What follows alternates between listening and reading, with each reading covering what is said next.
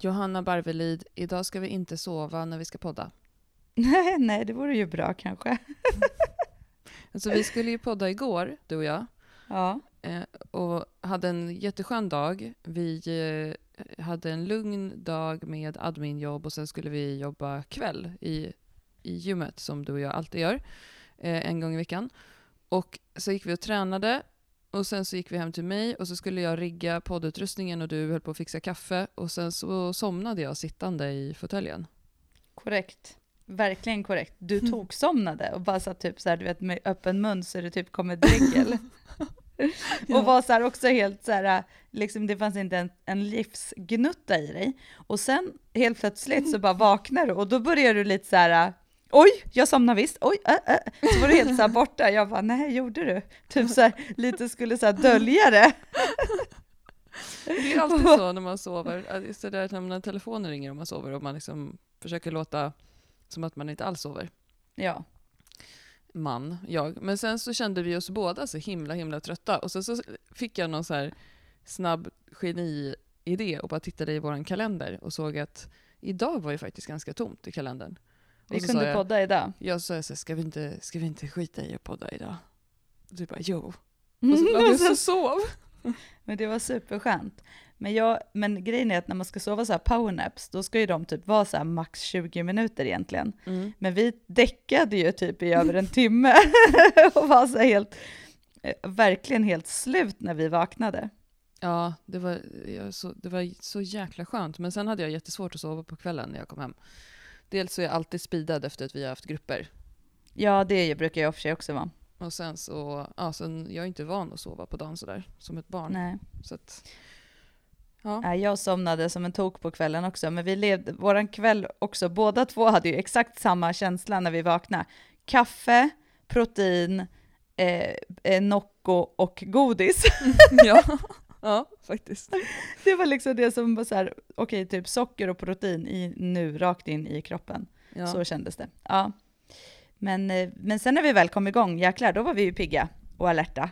ja, det var en jätterolig kväll också med våra grupper. Nu har vi avslutat de första grupperna som vi har haft under hösten med, dels, den första gruppen har ju kört Bli en beefcake.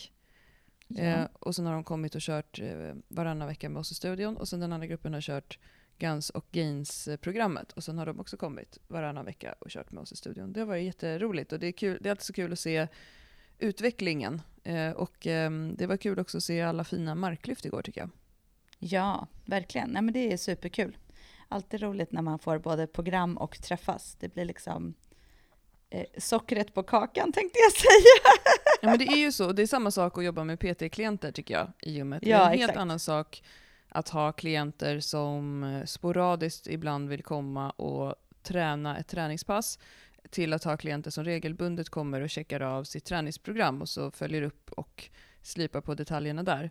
Det, det är ju också väldigt stor skillnad på det och det eh, kanske låter taskigt att säga men det är det som jag föredrar som tränare, att ha klienter som följer någonting och där vi tillsammans jobbar mot samma mål och plan. Och då blir det också naturligt att de här personerna rapporterar till mig vad de tränar under veckorna, hur det går eh, och att det finns liksom ett, ett mer långsiktigt plan, med, eller eh, en mer långsiktig plan med varje träningspass som vi kör tillsammans med dem. Och det kan ju vara även om de jag har ju många klienter som kör lite rehab och sånt nu och som är skadade på olika sätt och, och sådär. Ehm, ont i axlar och allt vad det nu är. det är. Men de har ju ändå en plan som de följer och det tycker jag är väldigt roligt för mig i mitt jobb. Vad tycker du? Ja, men jag håller med. Det är klart att det är alltid lätt att, lättare att se och mäta resultat när man har en plan som följs hela tiden och man checkar av den och så. Mm. Eh, Men sen så ska man ju också ha respekt för att flera av kunderna, som, flera av kunder som jag har också, de har inte en plan att de måste öka i marklyft, utan de vill träna ett visst antal pass i veckan. Ja, ja. Men, men då är det ju också så att man, och då blir det ju lite annorlunda och då blir ju själva avcheckningen snarare hur går det med träningen och så vidare. Mm. Eh, och sen så vissa av dem följer någonting i alla fall för att de tycker det är kul och vissa har egentligen bara att de tycker om att snurra på passen egentligen som vi kör på PT-timmen. Mm. Ja, men jag tror att jag, jag, jag, jag håller med och jag menar det kan ju också vara att, att man är gravid och inte kan, kan planera sin träning för att man mår olika varje vecka till vecka. Men att det ändå finns en liksom eh, att jag som tränare är mer insatt i hela deras eh, träningsliv än att det är en person som kommer en gång och kör. Alltså sådana kunder hade jag mycket i början, men jag har ju styrt bort från det också mycket. Folk som kommer och bara vill träna ett roligt träningspass då och då. Som Mm, man inte har någon absolut. relation med. Det, så det är väl det, lite den här långsiktiga relationen. Var befinner du dig just nu?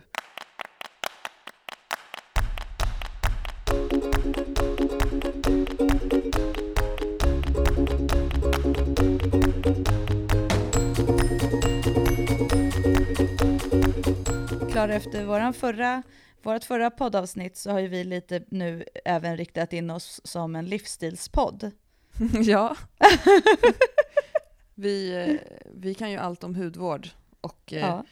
ger mycket tips om det. Ja, gud, jag har fått jättemycket frågor om hudvård sen, sen vi poddade om det förra veckan. ja, jag har fått både frågor och tips. Mm. Och nu har jag då eh, också då, an, då fått en bra sån eh, skrubb som då inte är eh, sån eh, med de här stora hårda kornen som man då kan skrubba varje dag fast Mm. för, som inte då förstör och sliter på huden. En mekanisk att- skrubb. Ja, precis. Så att, ja, jag, det var jättebra tips och eh, kul med eh, allas feedback också, att det var roligt. Många tycker att det är jätteskönt för att de orkar inte sätta sig in i det själva. Så då har så de, men nu är det perfekt, hud och eh, träning. Ja, det var roligt. Det var ett roligt eh, frågeavsnitt. Jag kan också inflika att jag har fått matförgiftningen från Göteborg utredd, också faktiskt via en poddlyssnare. Eh, Just det. vilket är, var väldigt kul. Och, eh, för det var så i veckan att eh, jag hade till och med besök från Göteborg och eh, då var det en tjej som har varit på en av våra lyftarhelger som hörde av sig på Instagram och sa att Hej, eh, jag är kompis med en av delägarna på den restaurangen ni var på. Eh, som jag inte tänker hänga ut för att de kändes väldigt trevliga och sådär. Eh, och de har försökt få tag på er eh, och, ehm, eh, och inte lyckats med det. Och det visade sig att det var en jordbakterie i svampen som vi åt. Som, som hade gjort att flera hade blivit eh, matförgiftade. Och då hade de ringt oss från skyddat nummer men de hade inte lämnat något meddelande. Så då kontaktade vi dem eh, nu i veckan och fick då svaret att vad det var för bakterie och att det hade varit en bakterie i en soppsvamp, alltså svampen sopp. Eh, och så, och så de ska kompensera oss med en ny middag och lite så. Så det var ju också skönt att veta att, eh, vad det var som hände egentligen när jag var där i Göteborg och mådde halvbra. Det är ändå skönt att du liksom fått det bekräftat nu att det var en matförgiftning. Inte för att ni tvekade på det, men det är ändå skönt. Nu är det liksom Mm. check. Mm. Eh, men jag tänker också att det, det som var också roligt var, var ju att du har ju hela tiden sagt så här, det känns ändå som det var svampen som jag blev dålig av. Mm. Det, och det är ändå, när man blir så där dålig så brukar det oftast vara så att man har någonting som känns så här, gud det där är jag inte så sugen på. Mm. Och du har verkligen varit så säker på det hela tiden och nu fick du det bekräftat. Ja, för Det det, lät skönt. ju så logiskt att det skulle vara råbiffen som vi åt också. Ja, exakt. exakt. Eh, men svampretten åt jag faktiskt inte ens upp fast jag var väldigt hungrig innan. Så ja, jag vet inte. Lite, lite läskigt det där, men antagligen... Ja, men svamp är ju fasen svårt alltså. Det känns ju lite läskigt, så här, folk som plockar svamp och inte riktigt vet vad det är för svamp. Och, ja, det är väl inte så att jag, jag är inte så här jättesugen på värsta kantarelltoasten nu. Men jag ska faktiskt Nej. laga mat med lite svamp i ikväll. Mm, det är bra. Då, då blir du, vänjer du dig igen. Man ska ju alltid ta tjuren vid hornen om man har en rädsla, eller hur? Ja, KBT. Ja, Svamp-KBT. Sakta men säkert inför du svamp i ditt liv igen. Jag Ja, det är bra. fasar in det. Men du, Johanna, det går ju skitbra för dig med ditt beefcakeande. Ja, verkligen. Det, går, det, det känns superbra. Jag eh, är ju inne nu och har kört, ja men nu har jag liksom kört ett helt eh, varv om man säger, alltså vad blir det då? då? Fem veckor. Fem veckor, precis. Och ska ju nu nästa vecka då börja om på ruta ett igen, fast Mm. förhoppningsvis med lite tyngre vikter. Och det kommer jag ju garanterat göra för att eh, det har ju bara liksom, jag känner mig bara starkare och starkare för varje pass. Mm. Och i, i, eh, häromdagen när jag gjorde mina, de här återhämtningsveckan när man ska jobba snabb hastighet, Mm. det som du la ut när jag gjorde mina knäböj, tvåor, Mm. då gjorde jag mina tyngsta tvåor utan bälte Mm. eh, på väldigt länge och också då eh, med en bra hastighet och en rörelse som inte förändrades på en ganska tung vikt som jag Mm. inte hade räknat med att jag skulle göra. Mm. Och det kändes så för mig är sådana saker, så här, små grejer är verkligen ett kvitto på att shit vad det har hänt grejer och det som den stora, stora skillnaden för mig, skulle jag säga, Mm. under det här, de här veckorna och den senaste tiden i min träning, det är min bål. Jag har blivit starkare. Alltså jag har lagt på mig gains i bålen, på bålen, Mm. helt Det är enkelt. så jäkla kul. Alltså, det är du Mm. så värd Johanna. Tänk vad du har hållit på och kämpat med din bål. Yes. Men fasen slit ger resultat. Mm, och kanske lite det här ändrade tänket också. Från, Mm. I och med att vi ändå är ganska pålästa och, och att det faktiskt ändras lite forskningsmässigt vad man säger om till exempel postgravidträning och sådär, så har ju du också Mm. vågat eh, satsa lite på att träna lite tuffare med bålen. Ja, men också, ja, precis med lite annat fokus och lite tuffare. Mm. Men framför allt också att jag har hittat det här och vågat lita på mitt buktryck. Mm. Eh, så att, och faktiskt också att jag har kört lite mer med bälte än vad jag gjorde tidigare. Tidigare var jag lite så här, nej jag ska absolut inte addera bälte, jag måste bli starkare först och sådär. Mm. Och det har ju också gjort att jag har lärt mig att hitta det och när jag har hittat det så är det sån jäkla skillnad. Och det sa jag när jag gjorde mina pressar sist, alltså stående press i programmet. Att jag, jag, jag, det var för första gången jag gjorde sån stående press som jag bara kände ett grymt tryck i magen liksom med bålen. Mm. Och det var jäkligt skönt. Så nej, men det känns superkul. Så jag känner att jag vill, nu vill jag ju hålla på och persa i press.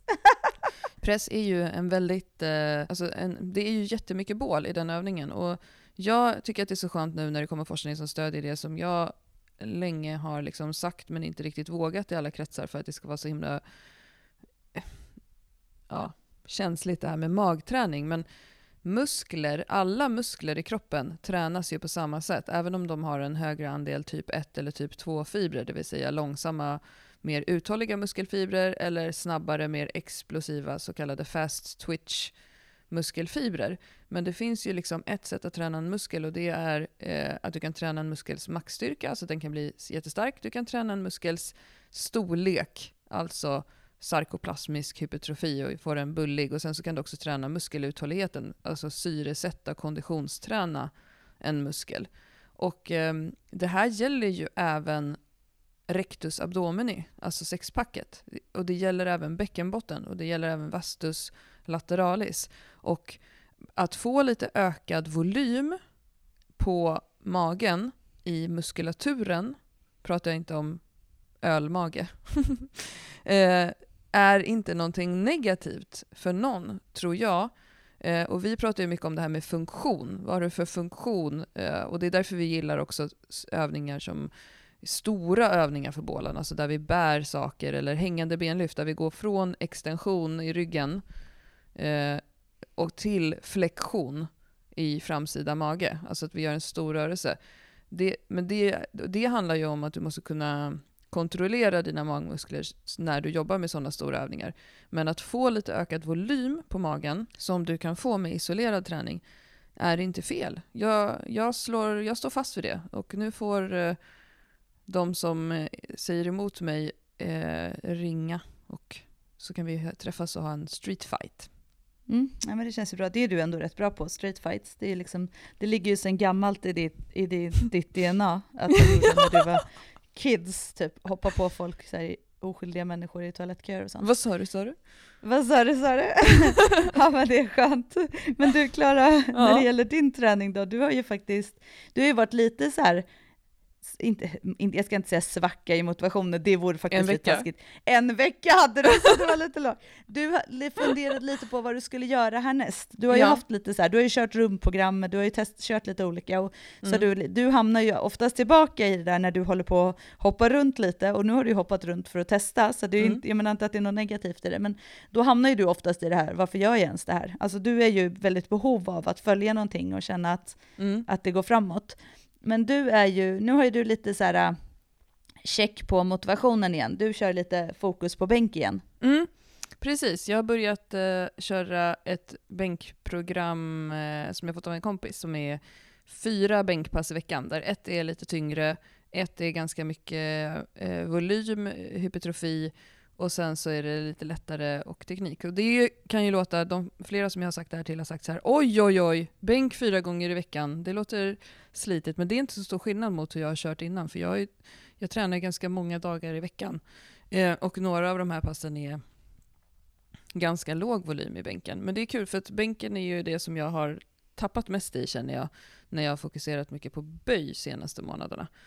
Och bänken har liksom bara legat där och puttrat på. Jag känner att jag inte, om jag tittar liksom historiskt så har jag väl gått fram mycket i bänken, men i alla fall. Så det känns kul och jag, jag lägger även in, um, det är ganska mycket assisterande överkropp i det här programmet och då lägger jag också in stående press och pushpress i det, vilket jag tycker känns roligt. Så att jag siktar på ännu större pectoralis major. Ja men det är skitgrymt, fan vad härligt. Och som sagt, du har ju bara kört det ett tag nu och ändå känner du ju redan så här, fan jag känner mig stark i bänken, så det krävs ju inte så mycket för att komma dit. Ja, men jag tror det är ju det här som många upplever, att när man har haft en period med lite mindre av någonting så tycker man så här, shit jag har tappat jättemycket och det känns jätte, jag känner mig inte alls stark. Och så får man göra det lite grann och så bara, nej jag hade visst inte tappat, utan det handlar mer om att bara rörelsen, nervsystemet, just det, styrkan är kvar liksom. Ja, ja men så är det eh. verkligen. Och bara, alltså, det finns ju säkert hur mycket forskning på det som helst, att motivation ger också känslan av att lyckas. Och en, men en annan sak som jag är sugen på just nu, som jag vet också att du har suttit med när du har gjort vårt kommande program, som du måste berätta om alldeles strax, det är också, eh, du och jag har ju en arsenal av assisterande övningar som du och jag har kört i många år, men som i period, alltså man glömmer bort övningar, tar fram dem igen.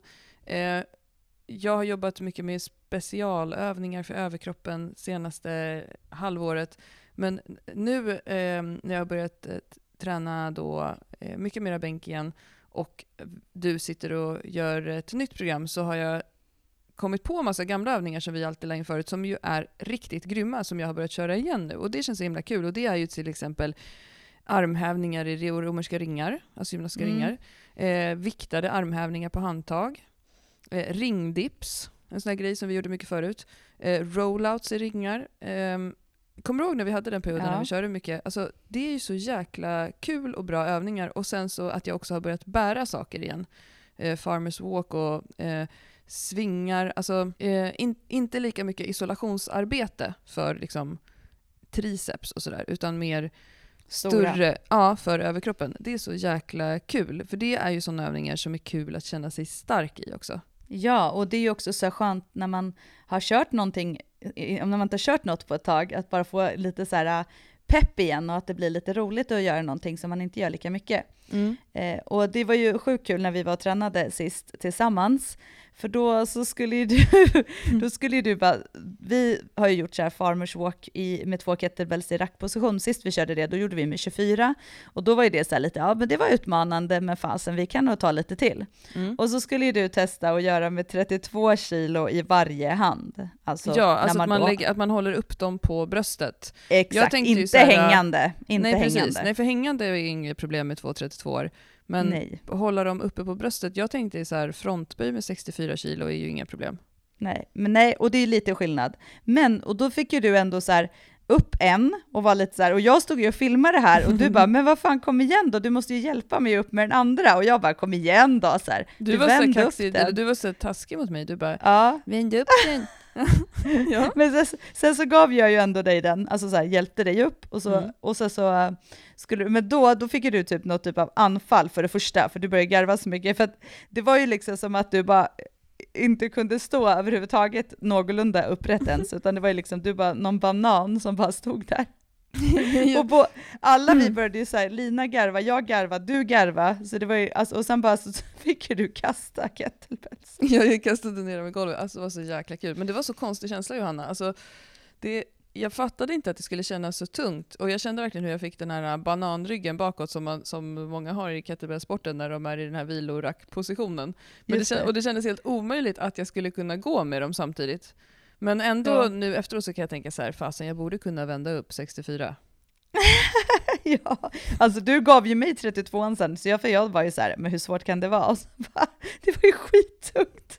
ja, det är en bara, helt annan sak. Det här går inte. Det är en ja. helt annan sak att hålla kettlebells där uppe eh, mot vad det är att hålla i en stång till Ja, frontböj. men och det fick mig återigen att tänka på det som vi pratade om i förra avsnittet, att det var någon kille som hade sagt till en tjej på vår lyftarhelg att hon inte fick göra bakböj innan hon kunde göra goblet squat med 40 kilo. Ja, det är helt sjukt.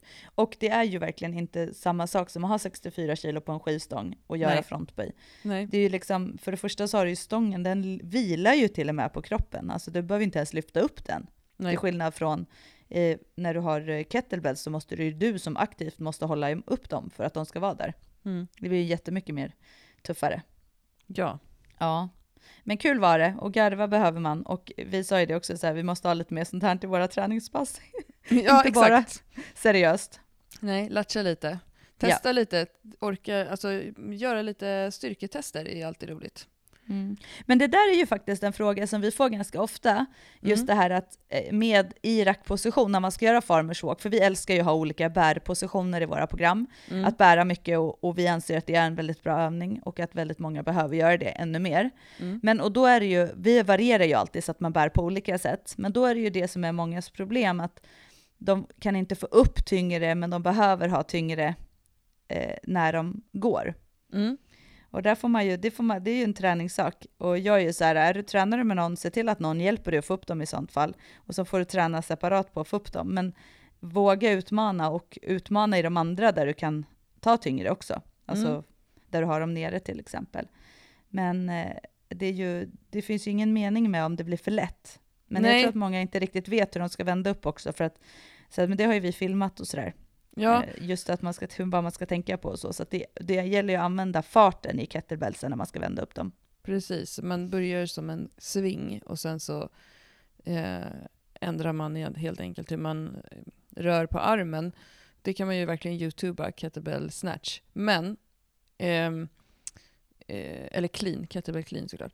Ehm, det man skulle kunna göra om man inte har tillgång till två tunga kettlebells och det här med att bära i rackposition, det är ju att bära i, med skivstång om man har plats för det. Absolut. Alltså att man bär i ett front, som ett frontböj och Mm. promenerar. Och varför vi gillar den här övningen, för det är också en vanlig fråga vi får i våra Facebookgrupper, varför man ska göra den och inte hängande.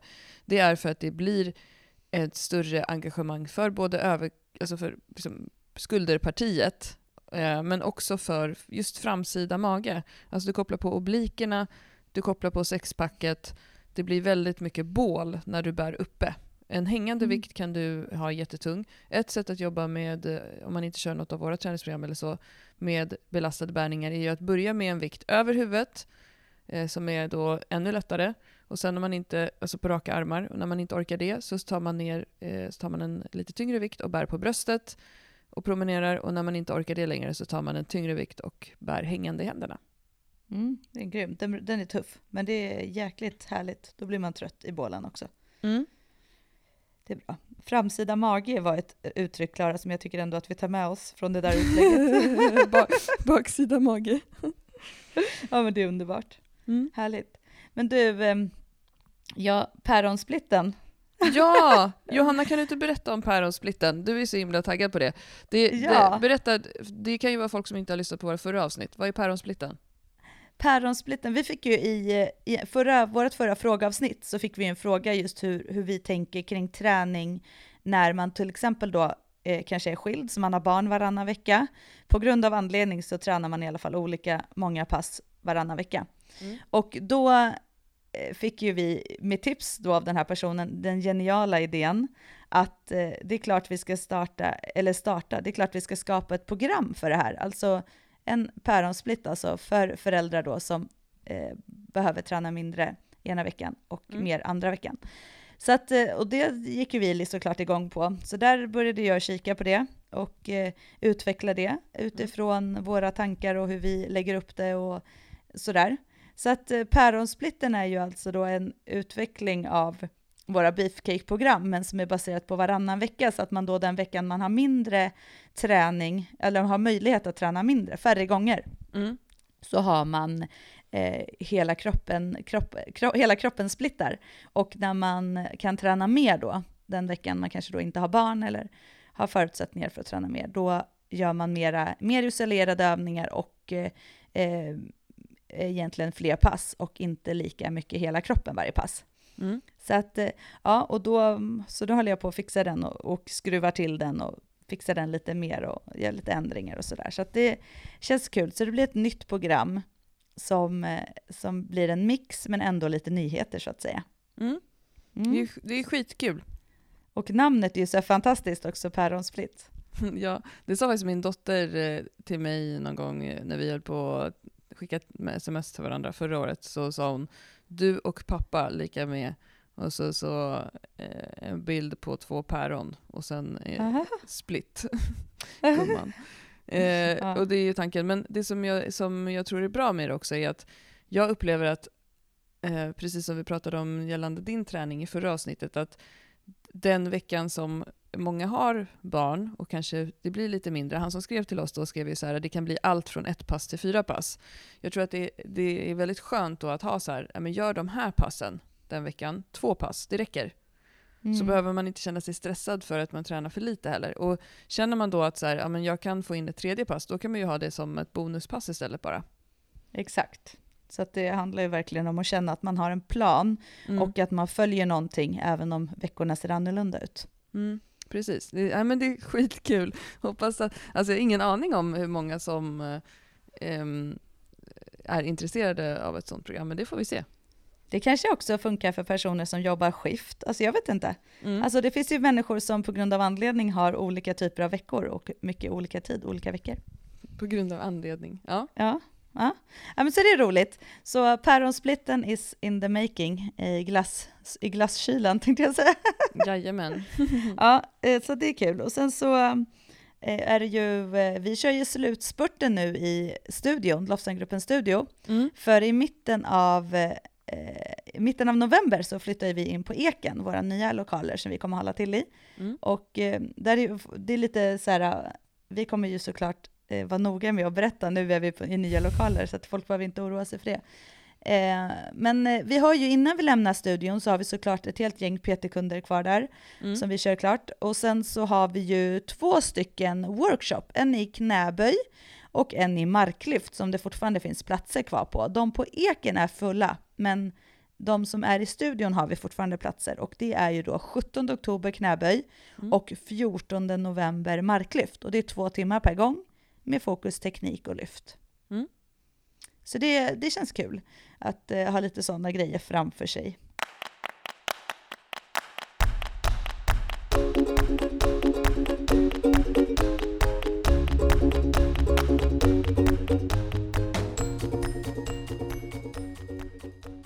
Dagens, veckans tittarfråga, lyssnarfråga kanske det heter. Eh, vi får ju ehm, eh, väldigt mycket frågor just nu, eh, både på mejl och lite överallt. Gällande programmen såklart, eftersom det är många som kör programmen och många som är sugna på att köra. Och det, en genomgående fråga är, kan jag träna era program med smärta om jag bara byter ut någon basövning eller jag har problem med axeln, kan jag köra guns and gains och så Mm. vidare. Och så Mm. vidare. Mm. Och vår filosofi i det här är ju alltid så här, skada först, alltså skadefri först, det vill säga du ska inte ha ont och ha ett mål att bli starkare. Nej. Men har du problem med axeln kan du fortfarande ha som mål att bli starkare i dina böj eller mark om det inte ger dig någon smärta. Mm. Eh, så att alltid först och främst eh, se till att bli smärtfri i, den, i det området där du har problem. Det innebär att har man jätteproblem med axeln så skulle ju såklart inte vi kanske då rekommendera att man kör guns och gains till exempel. Mm. Därför att det är extremt mycket överkropp och man kanske först måste lägga tid på att bli bra i axeln. Sen är det faktiskt så att många som har problem med axeln kanske faktiskt behöver bli lite starkare i Mm. överkroppen. Ska vi prata om idag? Eh, ja, men då måste man fortfarande anpassa programmet utifrån det utgångsläget. Vi har ju program som är gjorda för ett generellt program. Det är, vi, det är inte anpassat för en person med axelskada eller en person med problem med höften eller en hamstring som strular, utan Som det är ju- Ikeas vision för de många människorna. Precis. Precis. Nej men så att där, så på, som svar på det så är det så här, vi kan inte svara för specifika personer om de kan köra program eller inte. Men ja, det går alltid att anpassa, det går alltid att byta ut. Och vet man med sig att det funkar att köra eh, pressar stående press men inte bänkpress, ja och då kanske man får byta ut. Men då måste man också ta hänsyn till att om man då byter bänkpress mot stående press kanske det blir stående press tre gånger i veckan och då kanske det i sin tur gör att det inte blir så jäkla bra för axeln till exempel. Mm.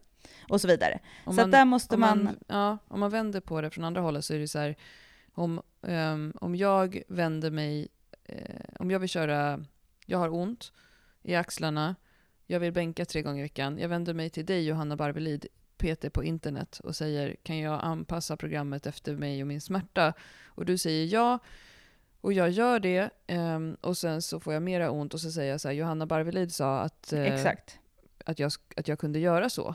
Alltså det, är, mm. det, är för, det om man vänder på det åt det hållet så förstår man att det blir inte så bra. Liksom. Det är oproffsigt alltså, ja. av oss mm. att säga så. Så att för oss är det så här alltid, det måste alltid anpassas, skadefri först. Eh, jag skulle aldrig rekommendera någon att bara, att så bara byta ut om det handlar om att man har eh, smärta. Sen kan det vara så att, att man säger så här, jag, har lite, jag kanske får känningar när jag kör stående press. Mm. Kan jag byta ut den övningen? Självklart. Alltså, mm. Det är ju inga konstigheter, men det är viktigt att man skiljer på vad har man för problematik mm. och varför ska man göra. Sen så är det så att behöver man bli biffigare, superbra. Kanske man kör mer assisterande övning, mindre tungt. Alltså, mm. Men har man problem med smärta så är det alltid först att se till att ta hjälp för att veta vad har jag för problem? Alltså vad är mitt problem? Mm. Är det att jag behöver bli starkare eller är det att jag behöver göra några rehab, rehab eller prehabövningar och så vidare? Exakt. Så det är alltid liksom, vi, vi är ju inga vi kan inte bedöma sådana saker och absolut inte över eh, mejl eller eh, meddelande på nätet. Precis. Så det är jätteviktigt. Men träna, anpassa, men se till att inte ha ont. Nu tycker jag att jag har babblat för mycket. Nu börjar nog folk ledsna på mig. Det brukar vara du som är den som har brandtal och så vidare. Jag tycker du ska... är härlig. Jag tycker inte folk tröttnar på dig. Du är en Nej, bra är person. Vår kompis eh, Admin-Lina sa häromdagen, så här Johanna, när det gällde dig och eh, diverse matlådor och sånt där, då sa hon så här, Klara, jag tror att många som lyssnar på er podd tycker att du framstår som den galna av er två, men Johanna ligger inte långt därefter alltså. Okej, ja. Jag kan ju bara lägga till då för de som har sett det här, det är inte såklart inte alla, men jag blev lite hånad av dig och Lina, Bänklina, för min mat när jag sa så att jag ville bjuda dig på spenat och torsk. Mm. Och då var de så här, man äter för fan inte spenat och torsk. Eh, och sen så, Om man inte har någon så här byggardeff. Ja, okej. Okay. Men det, det, gör i alla fall jag. Och sen la jag upp det här då när jag åt min middag, spenat mm. och torsk, och fick väldigt mycket fin feedback och pepp och stöttning i det här. Och att man kan ha både torsk och lax och allt möjligt till det. Men det var ingen som hånade min torsk och eh, eh, spenat. Nej men du såg, ju den, du såg ju den torsken och spenat som Lina skickade till dig. Hon skickade ja. den till mig också. Mm. Tyckte du att det var likt din? Nej men det var ju så här, lite potatispuré med en liten fin eh, såskant och en... Det var lite bacon fin, på också. Lite ja, knaperstekt bacon och så låg det lite spenatblad som var lite smörstekta. Alltså skärp dig, det där, inte jag, det där kan inte jag hålla på med. Nej, nej, nej, det orkar jag inte med. Nu vart det så här, spenat i en kastrull, koka upp den i med grädde och vatten och kryddor och buljong, grönsaksbuljong. Koka på plattan i typ ett tag och sen torsk i ugnen, i med torsken, ät. Så, slut på meddelande. Idag ska vi prata om så här får du stora traps och ja, varför det är bra att ha stora jäklar, traps. Nu har jag laddat här, nu har jag suttit här och laddat här i 30 minuter. Äntligen ska jag få prata om mina, min favoritmuskel. Du är ju så inne på trapsen och du älskar ju traps och du är ju hela tiden så här, så fort någon pratar om traps, då säger du bara så här, bli starkare, bli starkare. Ja, vi brukar prata om traps um, på våra böjgrupper när vi har eh, mm. workshops i knäböj. Eh, då det, händer det ibland att folk säger men det gör lite ont att ha eh, stången där bak på ryggen. Och då brukar jag säga big traps. Bygg en mm. hylla så har du något att lägga stången på. Så det har du alldeles Älsk. rätt i. Mm. Men varför vi ska prata om att få stora traps eh, idag är för att eh, vi sprang på en ny forskningsstudie som kom faktiskt eh, 15 september 2018, så det är ju alldeles precis nyss, som eh, handlar om eh, eh, nack och skuldersmärta och där man har tittat på trapeziusträning. Och trapezius är ju en muskel som är, det är en väldigt stor muskel som sitter på baksidan och som börjar uppe vid just nacken och så sen den är trekantig och platt. Den ser ut lite som en flundra faktiskt. Går ner mellan skulderbladen och fäster nedre delen eh, på ryggen. Det är ju en muskel som traditionellt sett är väldigt här, typiskt manlig byggarmuskel, eller hur Johanna? Man ser så här Ja. stora bodybuilders som har, det brukar kallas för kappmuskeln.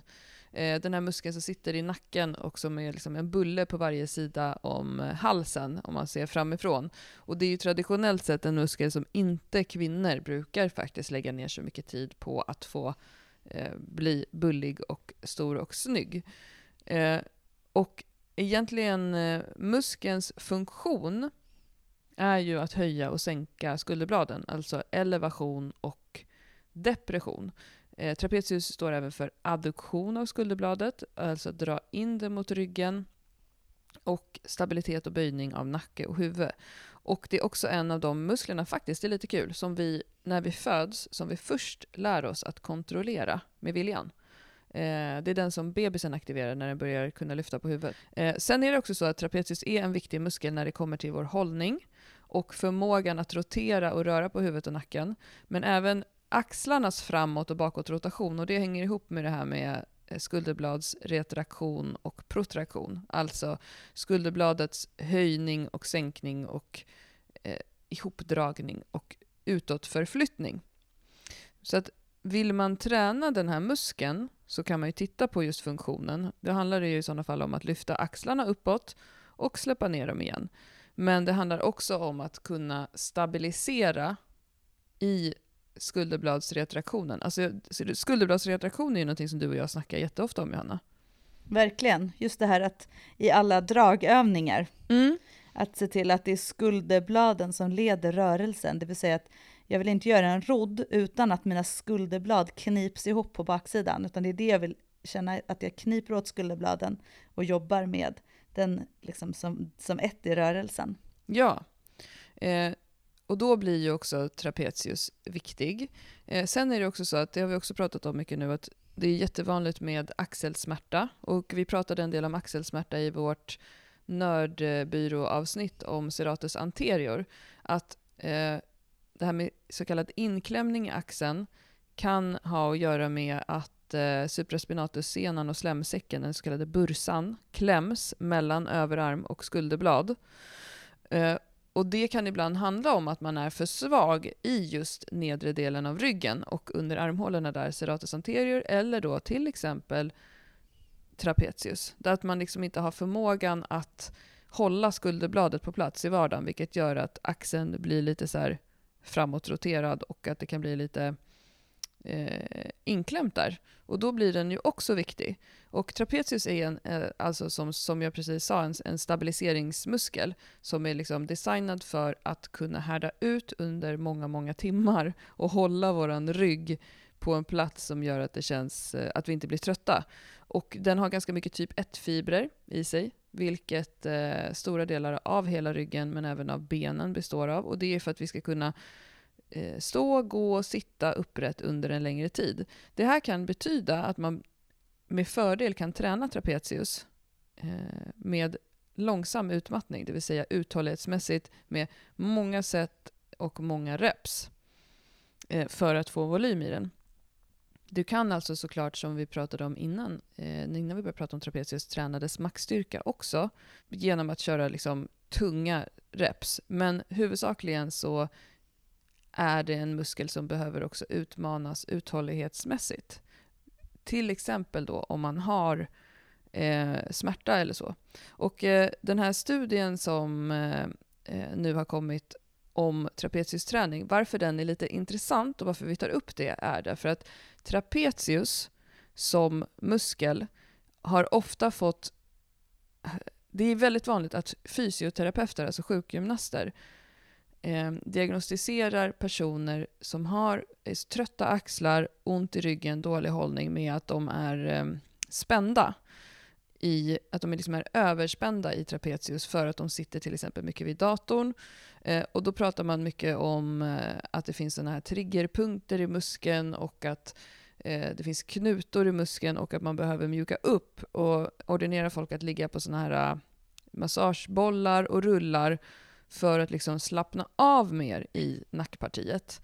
Eh, och då finns det en brittisk fysioterapeut som jag tycker är jätteduktig som heter Adam Meakin som jag har använt mig mycket av när jag har jobbat till exempel med axelrehab. Han är känd för ett axelprotokoll. Det är han som ligger bakom övningarna Bastards och Pornstars bland annat. Och sen eh, L-protokollet har jag lärt mig från honom också där man jobbar med hamstrings eh, rehab eh, när jag har gjort det med klienter. Men han är också han är rolig för att han, han läser, han refererar hela tiden till forskning men han jobbar också hela tiden i gymmet och eh, han är lite så här äh, stökig och bråkig och eh, lite arg sådär. Och han eh, har skrivit jättemycket om trapezius. Han är lite arg. Det ja, men det, och jag är ju också lite arg. Ja. Eh, han har skrivit mycket om trapezius eh, och har länge sagt ehm, att det här tycker han är bullshit. Folk är inte överspända i trapezius. Folk är för svaga. De behöver bli starkare de behöver få en starkare trapezius. Och den här studien som nu publicerades i september eh, stöttar hans eh, teori där. För att det man har gjort är att eh, man har tittat på 20 stycken eh, jag tycker det är roligt för att i rubriken så heter det Female Computer Users. Ehm, man har tittat på 20 stycken kvinnliga dataanvändare som har kronisk nack och skuldersmärta. Och det man har gjort är att man har tränat trapezius styrke och hypertrofimässigt med excentrisk träning. Vilket också då stöttar den här teorin om att trapezius eh, behöver jobba med uthålligheten. För att när vi jobbar excentriskt så håller vi emot, vi får en, en längre liksom, eh, vi belastar muskeln under en längre tid än om vi gör vanliga repetitioner. Eh, och eh, de följde upp det här efter tre månader och efter sex månader och alla fick ju då eh, bra resultat av det här. Alltså deras eh, smärta minskade. Så att han, Adam Meakin skrev ett inlägg om det där han var så här “haha, I told you so”. Och eh, vi tyckte att det här var kul att ta upp också därför att du och jag jobbar ju också väldigt mycket efter den filosofin. Vi, de som vi, man skulle kunna säga att de, den målgruppen som de har gjort den här studien på är den målgruppen eh, kvinnor som du och jag träffar allt oftast också, eller hur Johanna? Datajobbande kvinnor som har lite ont och är lite trötta någonstans. Absolut, och framförallt just den här äh, småsmärtan som inte kanske är en, något som gör att de inte kan träna, utan mer att de är småömma och liksom, ja, lite så här oskönt i ryggen. Ja, och jag menar vi, en övning som vi Alltså vi visar ju den så ofta så att vi visar den inte ens nästan längre på våra grupper för att vi bara, ni vet att vi vill att ni ska göra den här. Det är ju de här uh, band pull-aparts eller isärdrag med gummiband. Eh, yes. Som handlar om att knipa ihop mellan skulderbladen och bli starkare där. För att vi upplever ju att folk är svaga generellt. Och framförallt i ryggen. Alltså, det finns ingenting där att knipa med. Det finns inga muskler som kan jobba. Och precis som jag sa innan kring det här med absen, så det är aldrig fel för en muskel att få lite volym om du vill använda den. Den kommer eh, bli mer funktionell också om den är lite bitig. Och då tycker vi att trapezius är en muskel att lyfta fram, på, lyfta fram och ta tillbaka till kvinnohörnan i gymmet. Eller ta tillbaka, den har ju aldrig varit aktuell. Men kvinnor behöver faktiskt också lite stora traps. Låt en kvinna få växa trapsen tänkte jag säga. Låt en kvinna få ha stora traps. Nej men absolut, det är ju det är verkligen, och det är som sagt, man måste alltid ta hänsyn till att det är en studie, man har tittat på ett visst antal, men det är just intressant eftersom eh, mycket i, i vår filosofi är så här, många behöver bli starkare, mm. starkare, starkare. Mm. Typ knäböjen kommer bli bättre om du blir starkare. Gör knäböj. Alltså, ja. vi, det är ju liksom hela tiden tjatar vi om det och det syns så tydligt för att nu har vi ändå jobbat ett tag och vi har kunder som vi har följt under en längre tid mm. och eh, där det blir så tydligt också. De har blivit starkare, de klarar mer, de går framåt, de har mindre smärta och eh, ja, det ger bra resultat liksom. Bli starkare. Ja, helt anekdotiskt. Nej, men nu har vi faktiskt en, också en studie som som stödjer det vi säger. Om man, om man ska lista nackdelar med att ha svaga trapezius utifrån min långa trapezius-rant, mm. så är det Eh, risken finns att du tappar axlarna framåt, att du har svårare alltså att hålla axlarna på plats. Eh, du kommer bli svagare i pressar över huvudet. Eh, om du vill pressa, ståpressa, trapezius är ytterst involverad, det vill säga elevation, depression och eh, svagare i nacken. Och som sagt, många idag sitter mycket eh, vid datorn eh, och blir trötta i nacken. Kan Mm. inte du lista några fördelar med att ha en riktigt göttig tjurnacke? Det vill säga Nej. starka trapezius. Man får bra stabilisering, nacke och hållning. Alltså, Mm. Eh, det är bra när man ska lägga på skivstången helt enkelt. Alltså, det finns nytta med det när man vill träna och bli ännu starkare i hela kroppen. Mm. Eh, sen är det jäkligt snyggt med lite bulliga eh, bullar uppe på axlarna, tänkte jag säga, uppe i nacken och även på ryggen. Mm-mm. Och eh, just att det kan ha effekt mot eh, ryggsmärta vid datorjobb, alltså om man sitter mycket vid datorn. Mm. Eh, och att det är en stabiliserande muskel som vid då drag och roddövningar, alltså ger en, en stabilisering helt enkelt. Mm. Och vi tänkte att vi skulle lista lite övningar som kan vara bra för att träna trapezius. Och då har vi faktiskt delat upp trapezius i den övre delen, mittendelen och den nedre delen. Och jag upplever att det också framförallt är mittendelen av trapezius som många har svårt att komma åt.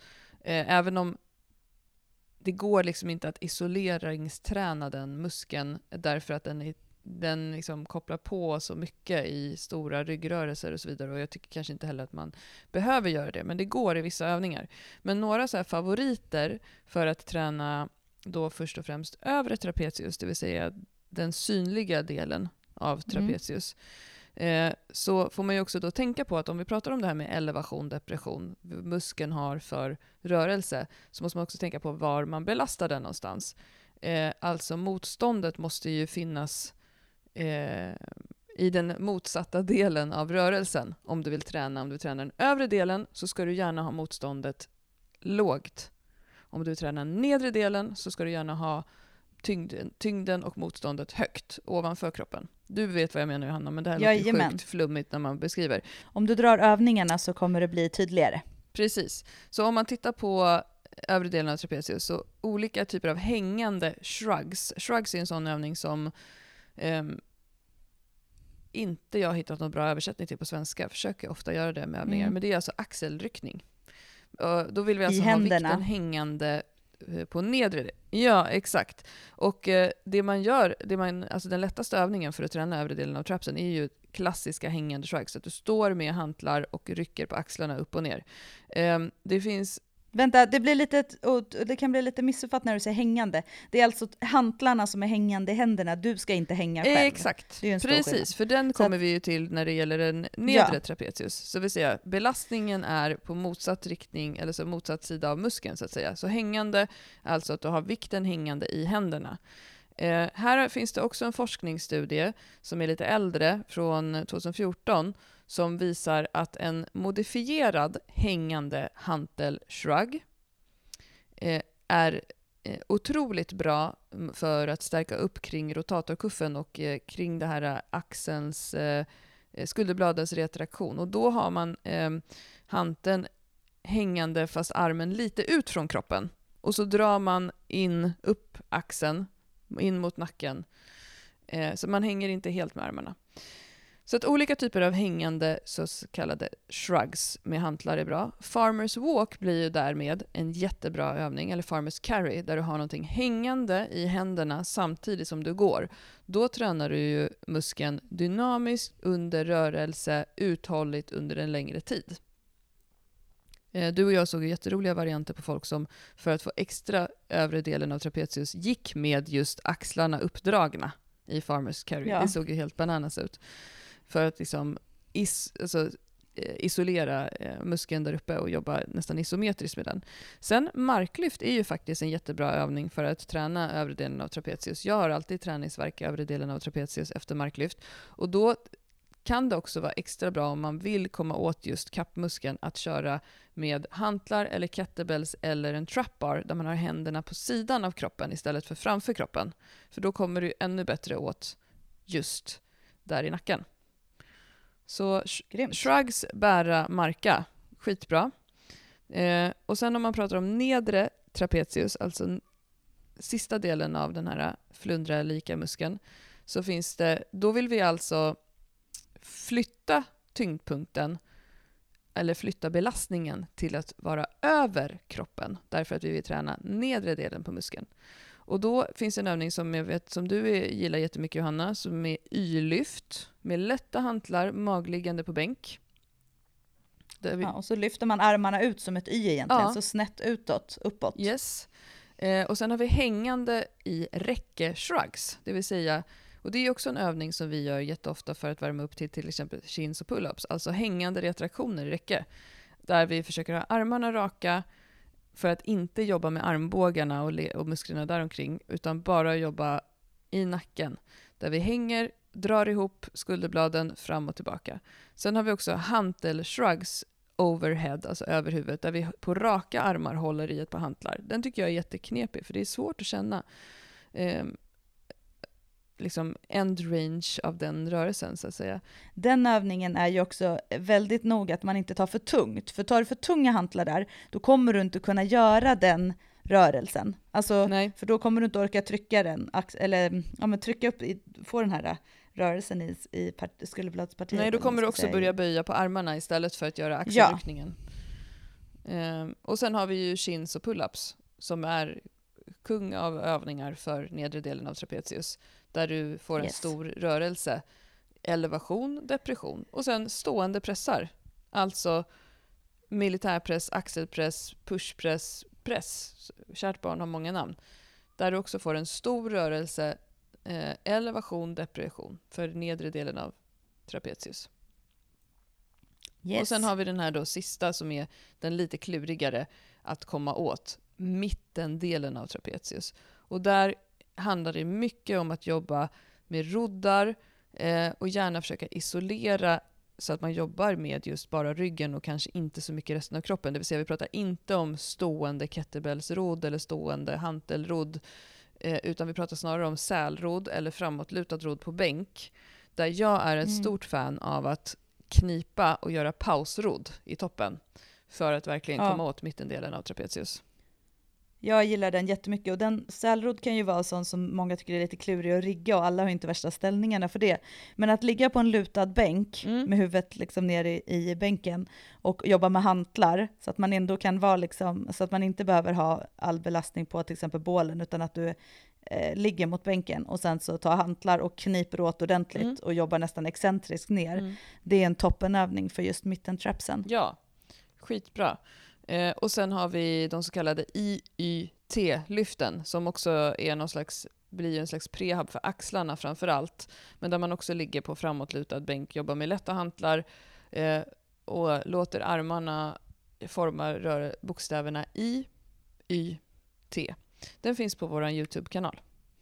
Ja, exakt. Och då gör man kanske 10 repetitioner som ett i, och så gör man 10 repetitioner som ett y, och så gör man kanske 10 repetitioner som ett t. Eller till och med att man tar så lätt så att man jobbar 20 repetitioner. Mm. Det här som vi pratade om, att våga trötta ut muskeln för att det är en muskel som ska klara en lång uthållighets...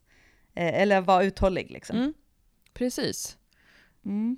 Roligt! Alltså, det är också det är sjukt eh, coolt tycker jag med tjejer som har biffig rygg. Jajamensan. Allt som är biffigt. ja. allt, som är biff, allt som är biffkaka är bra. allt som är biffkaka är bra. Och om man bortser från allt det här bra vi har sagt med så här, det hjälper dig som sitter vid dator och ont i nacken och eh, axeln och hit och dit, så är det egentligen bara sjukt snyggt med en stor kudde i nacken där du också praktiskt sett får en väldigt bra plats att lägga en riktigt tung skivstång till dina böj på. Gött. Eller hur?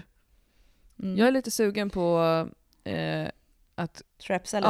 Ja, alltså sälrodd var det länge sedan jag körde. Apropå det här med att eh, rörelser som vi eller assisterande övningar som vi körde ofta som vi inte kör så mycket längre. Jag är lite sugen på, idag ska jag bänka och jag tror att jag ska köra pendlay row. Jag älskar pendlay row nu för tiden också. Den tror, mm. upplever jag också tar väldigt mycket, eh, eller aktiverar väldigt mycket eh, trapezius för att det blir så här, slå på aktiveringen i varje. Sen är jag lite sugen på att göra ringdips också, för det är bröst och triceps på schemat.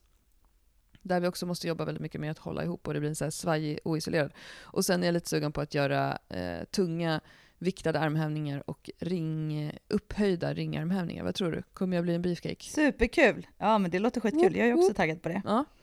Jepp, jepp. Vad härligt. Men alla de här övningarna som eh, vi just listade, de står också i avsnittsbeskrivningen. Och de allra flesta av de här finns också på vår YouTube-kanal för den som vill eh, träna lite extra sin trapezius. Sen eh, återupprepar jag reklamen för oss själva. Kolla in våra workshops i böj och mark i Lofsangruppens studio. Oktober, november finns några platser kvar och håll sen utkik efter vårt kommande skilsmässoträningsprogram Päronsplit. Grymt. Roligt Johanna! Dags att träna trapsen. Dags att träna trapsen. Eh, jag eh, eh, känner mig supertaggad. Om fyra veckor så kommer jag se ut som Jean-Claude Van Damme bakifrån. Mm. Och jag ska käka lite spenat och torsk. Bra, gör det. Vi hörs igen om en vecka då. Det gör vi. Ha det bra. Hej då. Puss hej.